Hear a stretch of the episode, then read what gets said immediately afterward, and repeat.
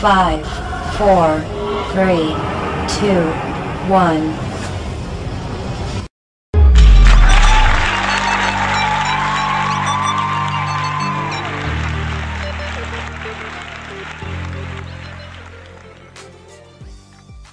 Hai. Hai, balik lagi ya sama kita ya. Apa ini namanya? Jomblo, Ah. jomblo, yang- jomblo, jomblo yang tidak ngenes. Uh, jomblo-jomblo yang berfaedah lah. Ya, jomblo bahagia. Nah, jadi sampai detik ini kita masih belum tahu nih nama podcastnya kita apa, tapi tenang aja. Dalam jangka waktu ini kita pasti akan cari tahu dan kita akan umumin langsung kepada Ya. uh, pendengar setia kita ya. Hari ini kita mau bahas tentang kita mau flashback mundur. Malah kita bahas kan kemarin kita udah bahas tentang Jumanji. Hari ini kita mau bahas tentang Frozen. Oke, Frozen 2. Frozen 2. Ya, kan Frozen ini sempet eh, kalau gua udah mendengar Frozen ini dari bulan Juni. Udah heboh dibicarakan. Tahu nggak apa yang heboh dibicarakan orang-orang? Frozen 2 ini jangan ditonton. Wih, kenapa tuh? LGBT. Ah, Ada isu LGBT. Oke. Nah, jadi gua udah dengar isu Frozen Frozen ini dari bulan Juni, makanya buat gua cukup ya happening lah filmnya karena gua udah menantikan. Ya gua nggak pengen banget sih, cuma penasaran aja pengen nonton. Hmm.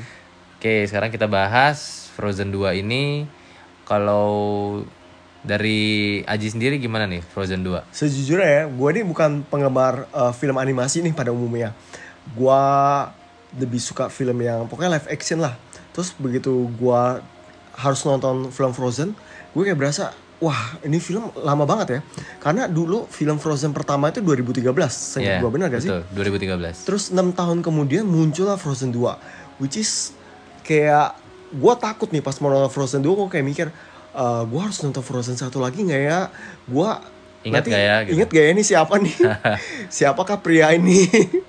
terus mikir-mikir terus gue putusin ya udahlah coba dulu deh gue pengen tahu sih eh sebagus apa sih karena dulu kan Frozen 1 bagus ya apalagi dengan lagunya jadi trademark mereka kan Iya, Let It Go. Oh ya sorry, gue potong. Berarti kan tadi lu bilang lu nggak gitu suka nonton film kartun nih. Tapi waktu nonton Frozen 1 lu enjoy. Waktu nonton Frozen 1 sih juga gak ada perasaan istimewa gimana sih Oh, gitu karena ikut temen aja. Ya, Oke. kebetulan waktu itu diajak sa- sama teman-teman gereja lah kalau nggak salah. Waktu itu. Nonton, terus oke kita ke Frozen yang dua. Gua nonton nih, gue coba. Eh, baik lagi sih, gue juga nggak ada ekspektasi apa-apa dan memang gua nggak dapetin apa-apa.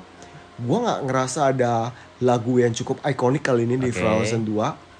Terus, tapi gua akui secara eh, penceritaan entah kenapa gua lihat Frozen 2 ini eh, ceritanya itu lebih mature. Oh, lebih nature. Oke. Betul. Apa tuh? Maksudnya lebih nature tuh kenapa tuh? lebih majornya pas di adegan awal aja si Olaf ini udah bertanya sebuah pertanyaan yang menurut gua pertanyaan ini nggak bakal bisa ditanya nih sama anak-anak pertanyaan ini cuma bisa lu tanyain ketika lu udah mindset seorang dewasa, Dewasa. gitu. Gua Apa ya kaget pertanyaannya? kayaknya ya eh, ada nggak sih sesuatu yang abadi gitu? Ada nggak sih sesuatu hal yang nggak berubah? Ya. gua kaget itu terus gua kayak berasa semakin lu ikutin jalan ceritanya semakin lu ikutin lu akan dapetin bahwa kenapa Frozen 2 ini arahnya itu atau pesan filmnya itu lebih ke arah pokoknya major lah. Kayak dapetin ha- satu halnya seperti yang tadi yang gue gua udah ceritain kan. Ada gak sih hal yang nggak berubah gitu? Terus lu di sini juga lebih ngedapetin deepnya hubungan antara si Elsa dan Anna itu seperti apa hubungan antara kakak beradiknya seperti Ya apa betul. Dari Frozen 1 udah berasa ya, ternyata mereka tuh akur. Tapi di Frozen 1 gue lebih berasa mereka akur ya karena ketinggalan apa karena ditinggal meni- pergi sama orang tua. betul Karena orang tuanya meninggal, jadi mereka tersisa berdua ya nggak. betul Tapi di Frozen 2 ini gue berasa sih mereka tuh kayak erat banget hubungannya kakak adiknya menyatu sekali, saling membutuhkan, saling support dan ya berasa banget sih. Awalnya tuh gue sempat berasa ini kok kayak pertemanan perempuan ya, tapi eh, kalau ikutin Frozen 1 lebih ya jadi lebih dapet feelingnya oh ini bukan cuma sekedar hubungan pertemanan se- sesama perempuan, tapi ini hubungan kakak adik yang saling support each other gitu. betul Menarik sekali sih. Dan gue juga sebenarnya akui sih dari segi cerita atau segi plotnya menurut gue eh, mereka benar-benar bisa ngembangin banget dari yang Frozen 1 ke Frozen 2 Gimana ceritanya mereka ngeceritain si asal usulnya si Ya. Elsa ya Elsa dan Ya, Anna gitu betul. maksudnya diceritain dikupas sesuatu yang lagi-lagi. sesuatu yang tidak ada di Frozen 1 langsung dikupas tuntas di Frozen 2 Hmm. ini. Dan yang menarik dari Frozen 2 ini adalah eh si Elsanya kan sudah jadi ratu. Jadi semua orang tuh sudah tahu kan memang kekuatannya dia seperti apa dan semua orang tidak ada yang reject itu dan dia sudah jadi pusat pemerintahan lah menggantikan ayahnya di apa nama kerajaannya Ah, gue juga lupa agak susah sih A- Arendelle apa Ar- Arendelle, oh, Arendelle. Jadi eh, dan mereka berdua kan sudah dewasa gitu. Dimulai dari kehidupan mereka yang ber- berdua yang dewasa tidak lagi seperti anak-anak, tapi dengan konflik yang baru gitu. Jadi ya tanpa menyebutkan spoiler lebih lanjut, kita bahas lebih ke arah eh, apa sih yang gue dapetin pribadi. Gue nonton ini sih gue seneng aja gitu karena gue merasa film ini film menyenangkan. Gue juga bukan penggemar berat Frozen sebenarnya. Cuma gue suka film kartun yang eh, vibe-nya itu eh, ringan, nggak yang membosankan. Jujur, mau lagi-lagi ada diksi. Eh, waktu nonton, sorry gue menyebutkan yang lain karena waktu gue nonton Moana gue ketiduran. 20 menit gue play gue ketiduran. Karena menurut gue Moana itu agak boring. Nah kalau Frozen ini menyenangkan. Nah gue suka Frozen ini karena ada kebodohan Olaf. Ah iya. Olaf itu lucu banget, bener-bener Olaf itu lucu. si suara si Chris Tucker bukan sih apa bukan ya? Nah kurang tahu. Oh, Oke. Jadi Olaf itu lucu banget sih. Eh kalau kalian pada nonton Ice Age, dulu kan Ice Age ada karakter si Tupai kan, Hmm. yang nggak penting tapi kalau nggak ada dia nggak lucu gitu. Oh, nah iya, Olaf ini juga sama gitu, dia lucu banget, lucu pakai banget. Pokoknya gue nggak berhenti ketawa begitu. Setiap lihat tingkahnya dia, setiap dia eh, nyanyi, setiap dia ngelucu, setiap dia berceletuk gitu. Cuma ya itu satu hal yang gua kurang enjoy, tapi orang-orang pasti enjoy. Gua pribadi gua kurang suka film yang sedikit-sedikit orang nyanyi Ah, oke. drama musical gua nggak gitu enjoy gua nonton Greatest Showman gua enjoynya adalah jalan ceritanya begitu dia nyanyi gua kurang suka Aladdin begitu dia nyanyi gua kurang suka tapi untuk Frozen ini gue cukup menikmati karena eh, lagunya kan lagu-lagu Disney ya lagu anak-anak ya cukup enjoy lah Nah, kalau gue kebalikannya kok ketika mereka di film Frozen 2 ini ketika mereka mulai nyanyi, justru gue kayak berasa pengen, aduh ini kalau misalnya nih film kayak kalau gue kayak nonton di laptop pengen gue fast forward aja, gue entah kenapa kayak nyanyiannya tuh buat gue nggak ada yang Iya. wah gitu kan. oke Kayak kalau di Frozen 1 kan ada Let It Go, maksudnya gue masih oke lah. Nah, tapi beda nih waktu gue nonton High School Musical, beda film lagi emang. Gue enjoy banget sih ya secara plot, secara lagu juga kayak meaningnya dapat gitu. Gue gua suka. Bahkan waktu sempat gue nonton berkali-kali sih. Cuman ketika pas Frozen 2 nih kayak hmm, gue pengen tahu aja sih apa yang terjadi gitu loh. Rahasianya apa sih gitu. Gak pengen denger mereka nyanyi malah kalau gue waktu itu kemarin. Iya iya iya. Gue juga ya karena memang gue nggak gitu enjoy eh, film yang gue nggak tahu sih. Gue nggak suka aja ketika ada adegan tuh tiba-tiba orang pergi nyanyi gitu kayak ya ampun. Ngomong aja langsung gitu loh nyanyi ya dikhususkan. Lah tapi ya banyak sekali orang yang suka tapi kalau untuk hanya menikmati lagunya gue cukup suka karena ya lagu Disney tuh lagu-lagu ringan yang menyenangkan buat gue ya easy listening ya lagu-lagu anak-anak lah. Dan cerita Frozen 2 ini pun menurut gue cerita ringan lagi. Eh, bukan cerita yang bagi, begitu banyak konflik. Konfliknya pun gampang selesai ya karena dibalikin lagi eh, ini film anak-anak gitu. Tapi kalau sedi ubah kacamata yang menjadi sebuah kacamata anak-anak menurut gue eh, ini film yang cukup menarik gitu. Kenapa? Karena konflik masa lalu Elsa itu cukup diulas di sini dan cukup apa ya cukup membuat orang berpikir oh begitu ternyata. Oh seperti itu ya masa lalunya mereka. Bukan cuma Elsa tapi masa lalu Elsa dan Anna gitu. Dan ya kalau kita balikin ke kacamata anak-anak menurut gue itu akan menarik. Karena kalau orang dewasa pasti sudah tahu kurang lebih oh ini pasti seperti ini ini seperti ini gitu dan menariknya lagi adalah ada karakter-karakter baru yang ditambahkan di film ini yang mendukung cerita yang yang bukan membuat eh, cerita jadi rumit tapi membuat ceritanya menjadi semakin komplit gitu Gua gua juga jujur sih kemarin ketika gue nonton mungkin itu yang gue lakukan ya kok ya. Jadi gue melihat film ini dengan kacamata seorang dewasa gitu. Jadi Aha. berasa sih waktu eh maksudnya ada momen-momen di mana anak itu harus sendirian menghadapi segala sesuatunya.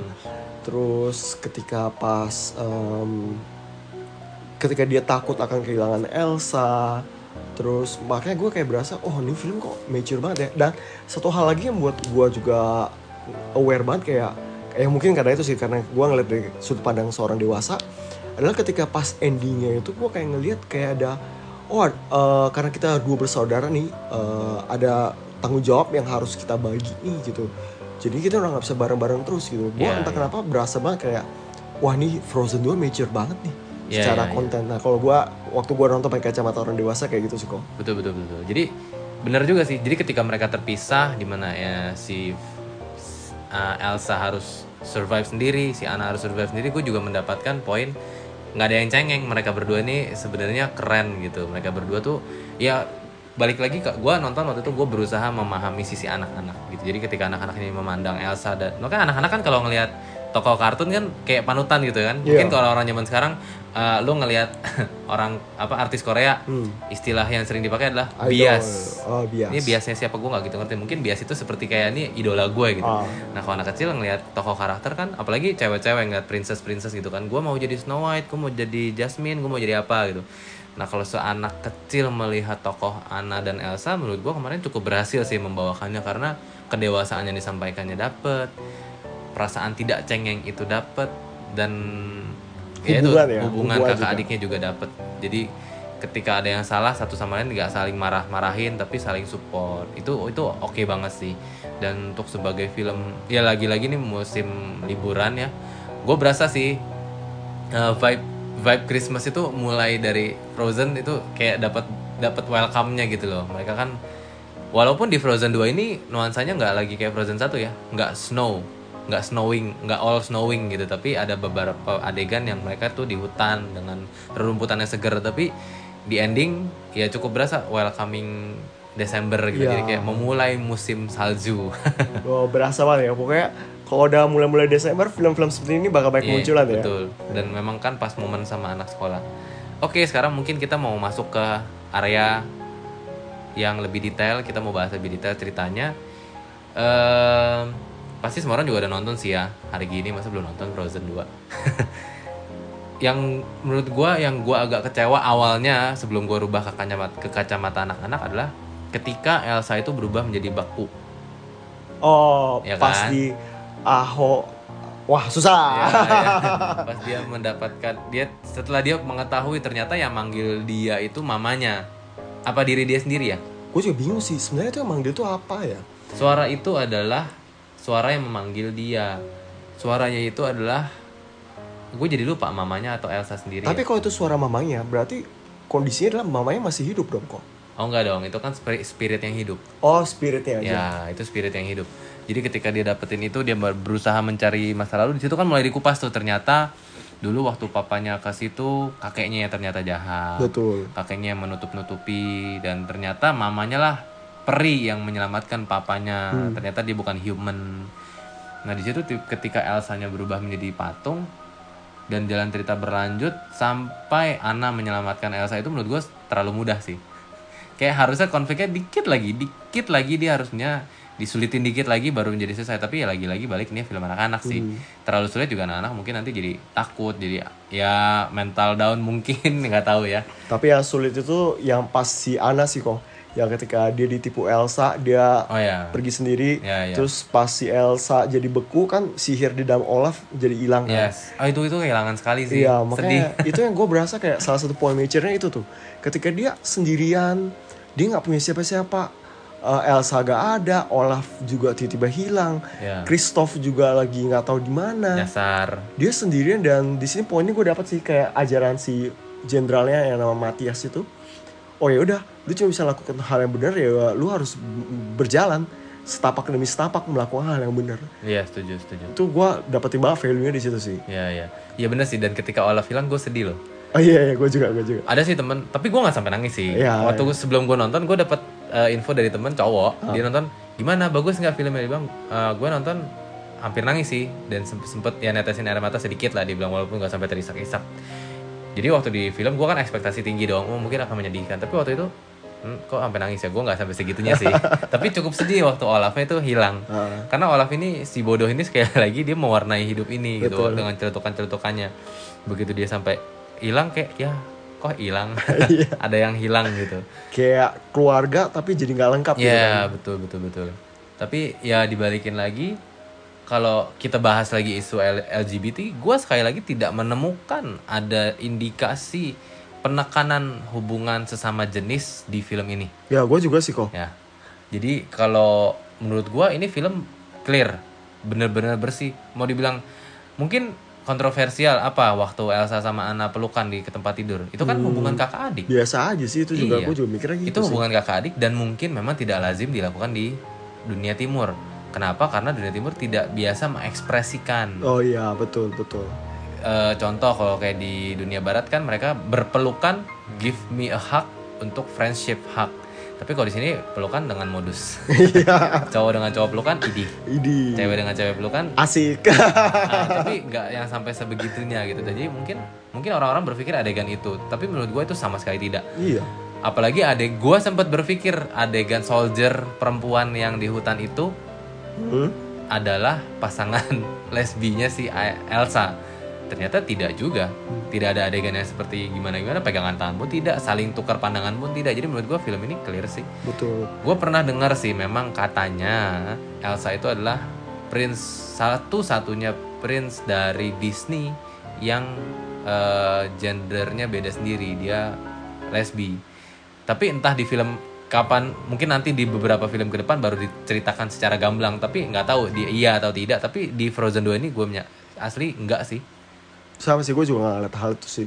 Terus berbicara soal itu gue juga merasa ada hal yang cukup aneh sih di pas di endingnya pas jadi awal mula kita dibuka filmnya itu bahwa Elsa ini masih ratu nih. Ya. Terus ketika udah di ending ada perpindahan posisi nih. Sekarang Anna yang jadi ratu.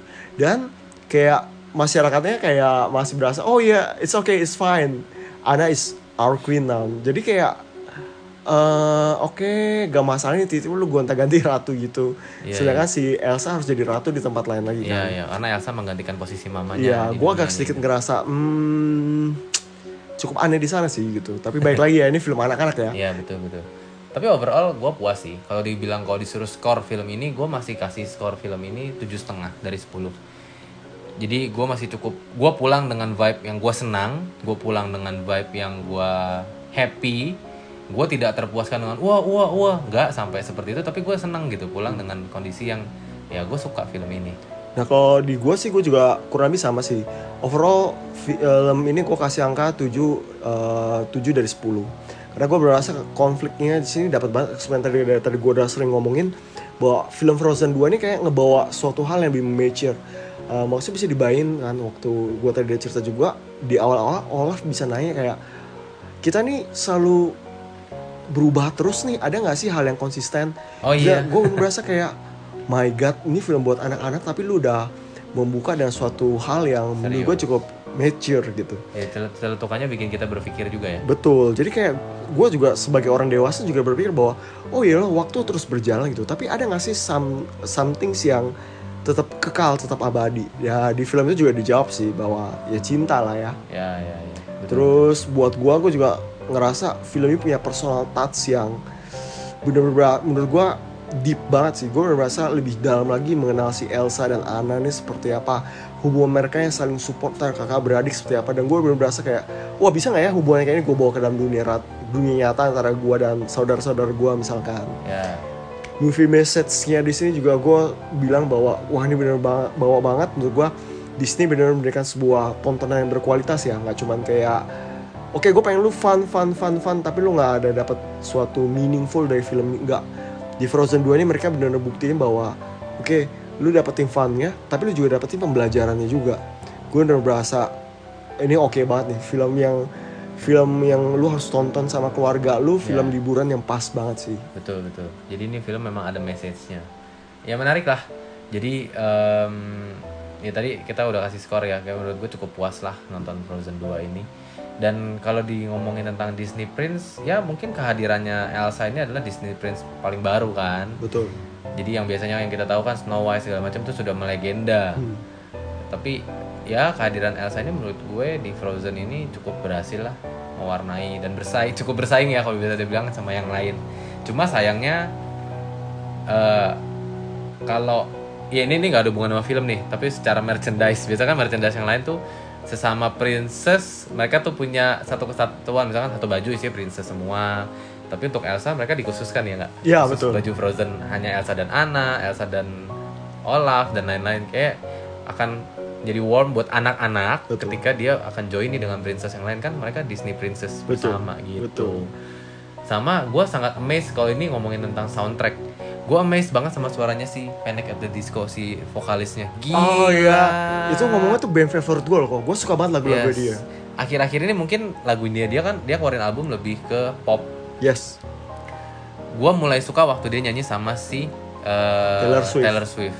yang judulnya yang Me itu gue jujur gue dengerin itu lagu karena gue mau denger suara dia Hmm. karena suara dia tuh enak banget keren banget suara tingginya dapet banget beda kan kadang kalau biasanya sih ya not hmm, kalau orang yang suara tinggi biasanya tinggi itu tinggi falset. Ini tingginya suara-suara aduh suaranya bagus banget nih.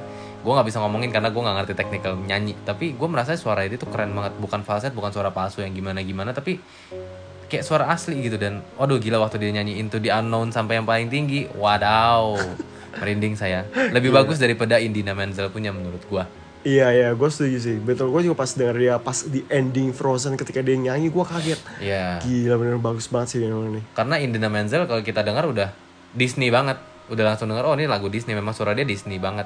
Broadway sekali. Tapi si Panic at the Disco ini membawa warna baru. Walaupun memang gue setuju banget ini lagu bukan Disney banget sih gue udah bilang sama teman-teman yang lain ah lagu ini mah pasti nggak bertahan. Karena menurut gue lagu aja bukan kayak nggak seperti lagu Disney. Kurang melodius. Melodius bener gak tuh istilah? Ya pokoknya kurang kurang ber- ber- bermain dengan keindahan harmonisasi melodi ya. Tapi ya gue amazed sama dia punya suara sih Tapi jujur gue kaget sih kok. Dia bisa ngisi soundtrack si Frozen 2 ini bener-bener gue gak kepikiran aja. iya padahal bandnya band rock Iya. laki Iya. yang dipilih dia kaget. film super feminim Bener berasa kayak, hmm, oke, cukup worth it nih buat didengar yes Into the Unknown versi dia doang. ya gue juga gue udah masukin Spotify gue Oh iya, sadap, playlist tapi yang sadap, versi dia sadap. bukan Indina Menzel Sekali lagi kita juga bilang kita tidak dibayar oleh Frozen 2, Disney Iya. ataupun Panic at the Disco ya. kita tidak dibayar di pihak mana pun nih Eh, Kalau- pure kesukaan pribadi aja. kalau ada yang mau bayar boleh sih diterima endorse-nya Diterima endorsementnya kita siap, kita siap. anak endorse banget ya kak Demi kelangsungan hidup. Oke, jadi hmm, baik lagi ini sekitar review kami untuk Frozen 2. Ya kita hopefully berharap mungkin kalau ada Frozen 3 buat menutupi segala plot hole yang belum masih belum diceritain lebih lagi. ya Kita berharap bisa jadi pelengkap buat cerita Elsa dan Anna ya di Frozen 3 Iya, betul, kalau ada. betul. Kayaknya kalau dari anak-anak, baik lagi kalau dari anak-anak, gue rasa anak-anak akan menanti-nantikan ada Frozen lagi, Frozen lagi sih karena Betul. kayak ada sesuatu aja di liburan mereka dan film ini cukup berhasil menarik anak-anak ya dari Frozen 1. Setuju sih. Dan gue juga berdoa untuk pihak Disney nggak nggak lama mengeluarkan Frozen. Iya, gue lebih berdoa lagi supaya dia tidak menonjolkan sisi LGBT-nya. Oh iya iya setuju biar setuju. biar setuju. film ini bisa nembus di pasaran Indonesia. Kalau nggak nanti setuju. KPI melarang, kita cuma bisa mendengarkan soundtracknya. setuju setuju. Jangan sampai seperti itu juga. Jangan sampai keluarnya enam tahun kemudian lagi. Wadaw. Iya, betul. Udah nggak ngerti deh enam tahun Nanti kemudian. anaknya udah keburu SMP. Iya. Anak yang tadinya SMP sudah SMA. Bahkan sudah kuliah kalau 6 tahun.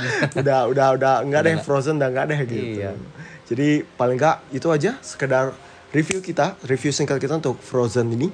Kita berharap s- semua terhibur ya dengan ya, semoga yang kita share juga informatif dan menghibur dan sekali lagi kita ngomong ya kalau memang ada kita salah, ada salah kata, ada salah ucap, mau minta maaf, itu sesuatu yang tidak kita sadari dan ya ber- berharap semoga kita bisa berkembang terus ya. Semoga teman-teman juga dengarnya makin enak, makin informatif, makin enjoy. Ya. Sampai jumpa lagi nanti di podcast untuk film review berikutnya. Ya, jangan lupa di subscribe dan follow. Dah.